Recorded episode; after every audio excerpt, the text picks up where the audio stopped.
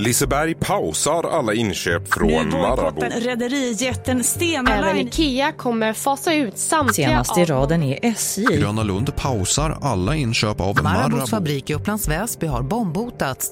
Bojkotten blev nästan total när det blev känt att Marabous ägare fortfarande gör affärer i Ryssland. Men Yvonne, vad är det älskling?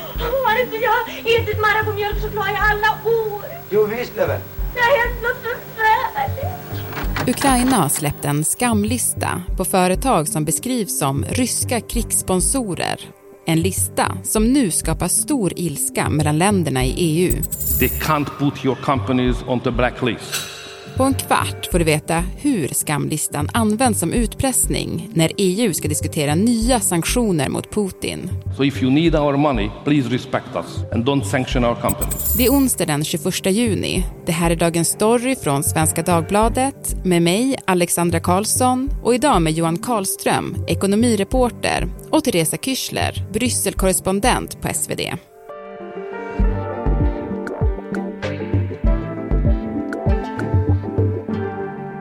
Hörni, Johan och Teresa, när åt ni Marabou senast? Jag bor i Belgien som har världens bästa och mest berömda choklad. Jag tror att jag skulle bli utdragen av en lynchmobb och stenad på Grand Place här i Bryssel om jag åt sån där barnchoklad som man skulle tycka Marabou är här.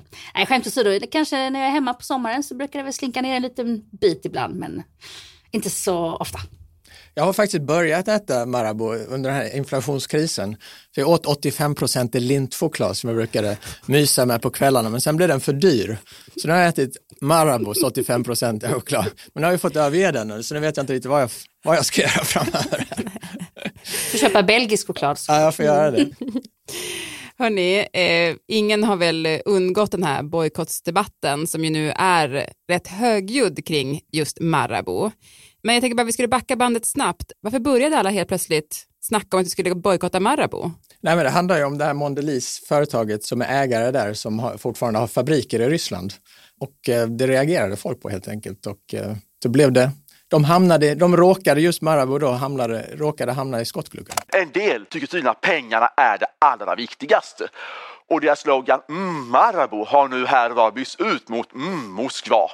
Och det, det, är en lista, det finns ju lite olika eh, institut kan man väl kanske säga som har koll på de här företagen som fortfarande finns i Ryssland. Men just här handlar det om Ukraina som pekade ut. Ja men precis, ja, men det finns tre listor som jag har tittat på eh, och det är Ukrainas svarta lista och där, där finns ju Mondelez då med.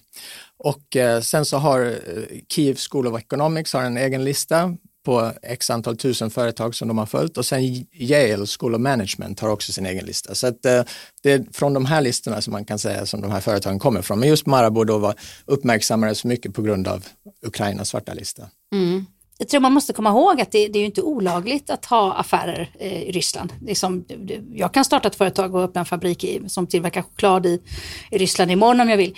Det är ju liksom allmän opinion som man i så fall ska ris riskera. Jag tänker de där listorna, det måste ju vara som att spela rysk roulette varje morgon liksom för många företag. Vakna för så här, gud nu ska jag se om någon tidning har plockat upp mig på listan och skrivit en artikel om mig för då faller mina aktier liksom. Och så länge de inte, så länge de inte plockas upp liksom som Marabou har gjort nu då, eller Mondelez, så klarar de ju sig undan liksom.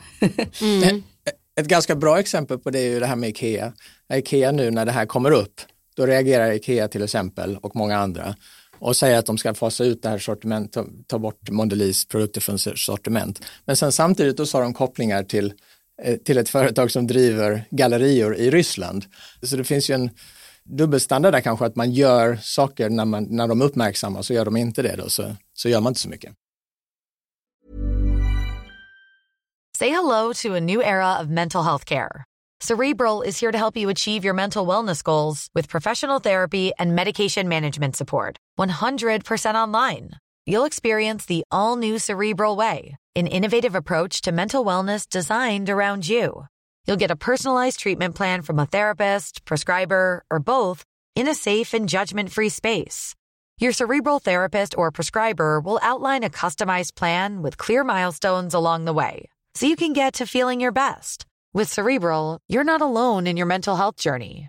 We're here to empower you to live a fulfilling life. So take that first step towards a brighter future and sign up today at cerebral.com slash podcast and use code ACasts to get 15% off your first month. Offer only valid on monthly plans. Other exclusions may apply. Offer ends July 31st, 2024. See site for details. Det är ju inte helt eh, lätt heller att, att göra rätt. Vi lever ju också i en väldigt globaliserad värld så att det, det, ja, det är svårt för företag också. Även om vi inte behöver tycka synd om dem så kan vi väl ändå säga att det är inte helt lätt. Nej, alltså det, dels så kostar det ju massa pengar då att lägga ner fabriker.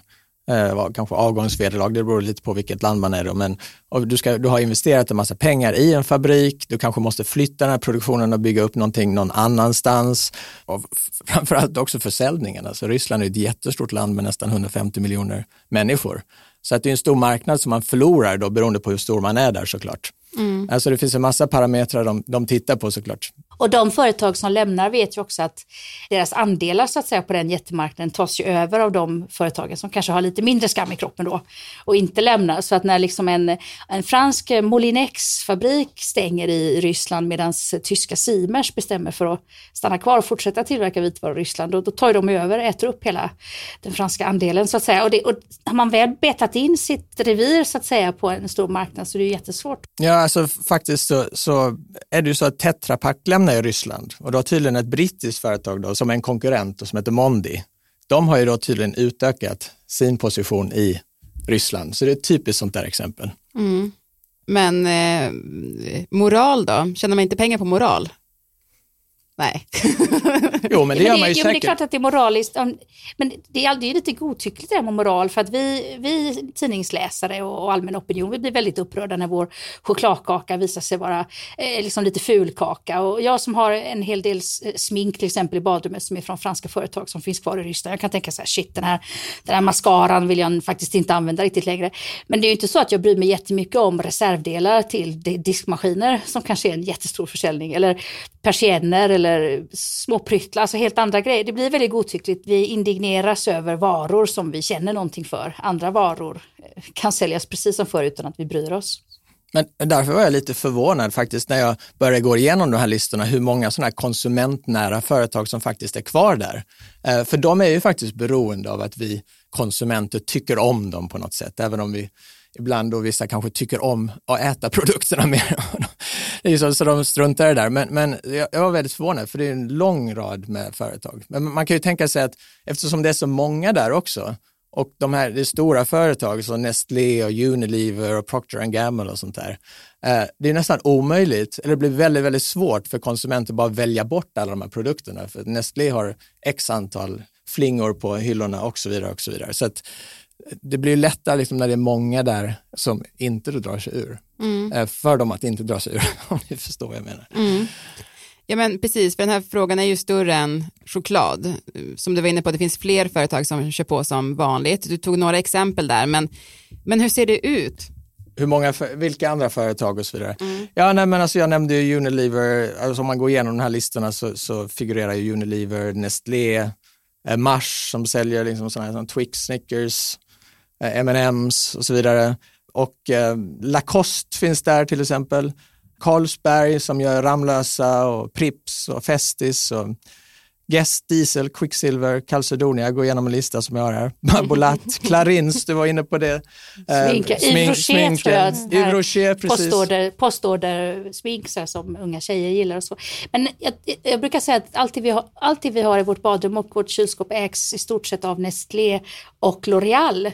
Jag tror att Nestlé äger halva L'Oreal och sånt där. Och när jag ser att Nestlé är med, då är det shit, nu måste jag liksom tömma hela mitt kylskåp, i stort sett hela mitt, mina badrumsskåp.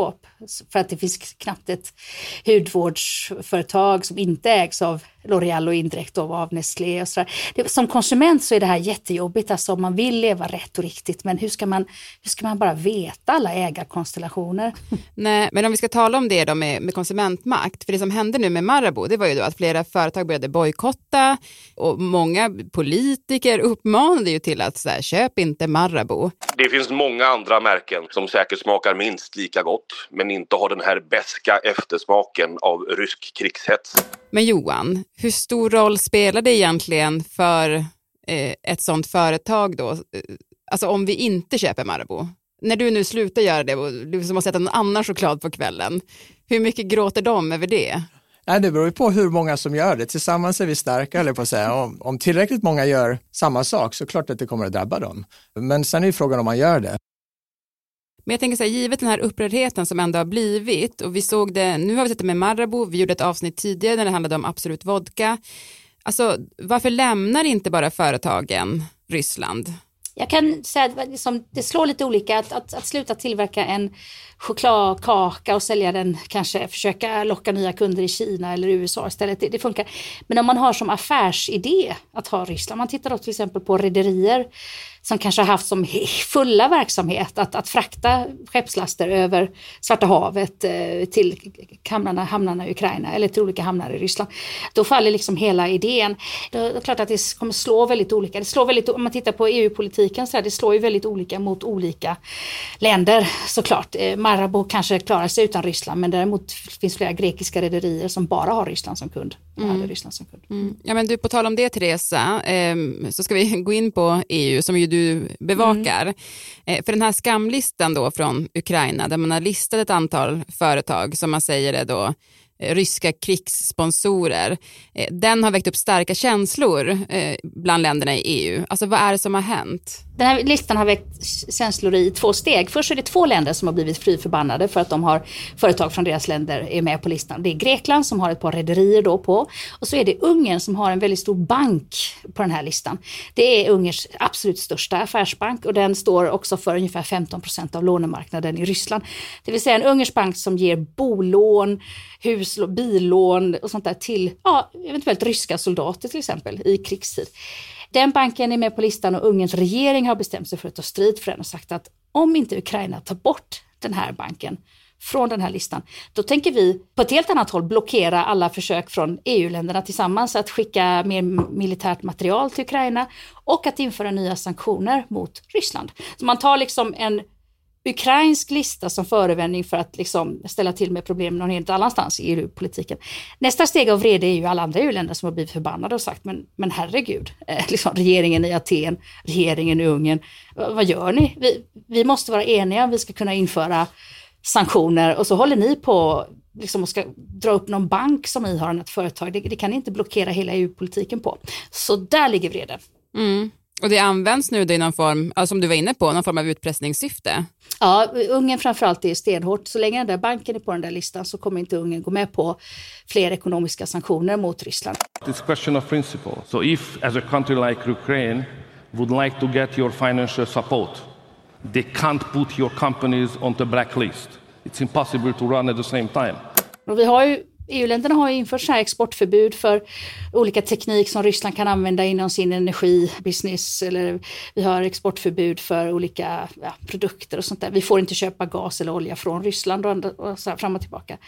Man har svartlistat ryssar som inte lov, får lov att komma in i Europa. Man har beslagtagit deras lyxbåtar och lyxvillor i, på franska rivieran. Alltså allt det där som vi har hört att man försöker göra för att straffa Eh, Putin och hans vänner så att säga. Det blockeras just nu på grund av den där listan i Ukraina. Mm. Men du, då måste jag ändå så här, eh, när man sitter lite på distans och tittar på det då så, så, kan man ju tycka att det låter lite konstigt att de skulle bli så sura på Ukraina och den här listan att de inte säger ja till ett nytt sanktionspaket mot Ryssland.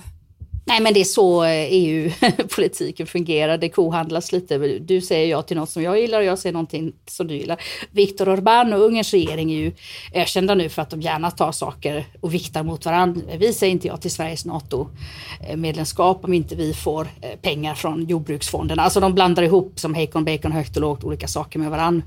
Det är bara utpressning rakt av liksom. Mm. Men du, det har ju varit, när man har pratat om de här sanktionerna så har ju en jättestor del av det varit att det varit så himla stor enighet kring dem. EU och USA inför nu sanktioner för att stänga ute ryska banker från det globala bankkommunikationssystemet Swift. Och den här åtgärden ses som en finansiell atombomb. Håller det på att ruckas nu då? Alltså det är elfte sanktionspaketet nu. Det är svårare och svårare att hitta områden där man går med på att skära ner. För vi drabbas ekonomiskt, vi länder i EU också, av att bli av med businessen vi hade med, med Ryssland. Och nu börjar det bli tuffare och tuffare och tuffare att få eh, regeringar att gå med på att eh, liksom förbjuda någon mer produkt som kanske deras egna bönder säljer. Så det är svårt att vinna ett val idag i Europa på att säga vi ska skära ner ännu mer. Mm. Hörni, till sist då, vad tror ni kommer hända framåt? Ja, nej, men det här måste ju ändå sätta tryck på företag. De måste ju se över nu vad, vad, vad de gör där och titta på risker och, och sådär. Så att eh, det är mycket möjligt att fler kanske drar sig ur eller snabbar på en um, utfasning som, de, som kanske redan har börjat och så vidare. Men det, det är ju lättare kanske för en del av de här, precis som Therese var inne på, liksom de här um, som är lite längre från konsumenten, det är lättare för dem kanske att stanna kvar än vad det är för konsumentnära företag. Mm. Eller så tror jag att en del företag kan ge, försöka sig på lite så här fula tricks och sådär. Eh, lite som man säger att eh, ja, men nu har vi slutat att sälja eh, ja, Marabou-choklad till exempel i Ryssland. Eller om ni minns för en tid sedan så var det Absolut Vodka som man sa, nej men vi har slutat att sälja det i Ryssland. Och sen så började man sälja det igen och så blev det protester och så sa man återigen, ja okej, okej, okej, nu slutar vi sälja det igen. Ja, det innebär att man tog den där veckan som man var igång i Ryssland och passade man på att fylla hela det ryska lagret för ett år framöver. Det är liksom inte en färskvara och det är inte smink och mode heller. Så man, man kanske gör sån här, oj jag tar en vecka bara och så hoppas jag på att allmän opinion inte fattar att jag fyller upp alla lager till nästa år. Liksom. Jag, jag kanske är konspirationsteoretiskt lagd lite grann. Jag, jag tror det. Mm. En, lite grann kanske. Hörni, tack så jättemycket båda. Tack så mycket. Programmet idag producerades av Daniel Sävström, redaktör var Teresa Stenle von Matern och jag heter Alexandra Karlsson. Vill du kontakta oss så mejla till dagensstory.svd.se.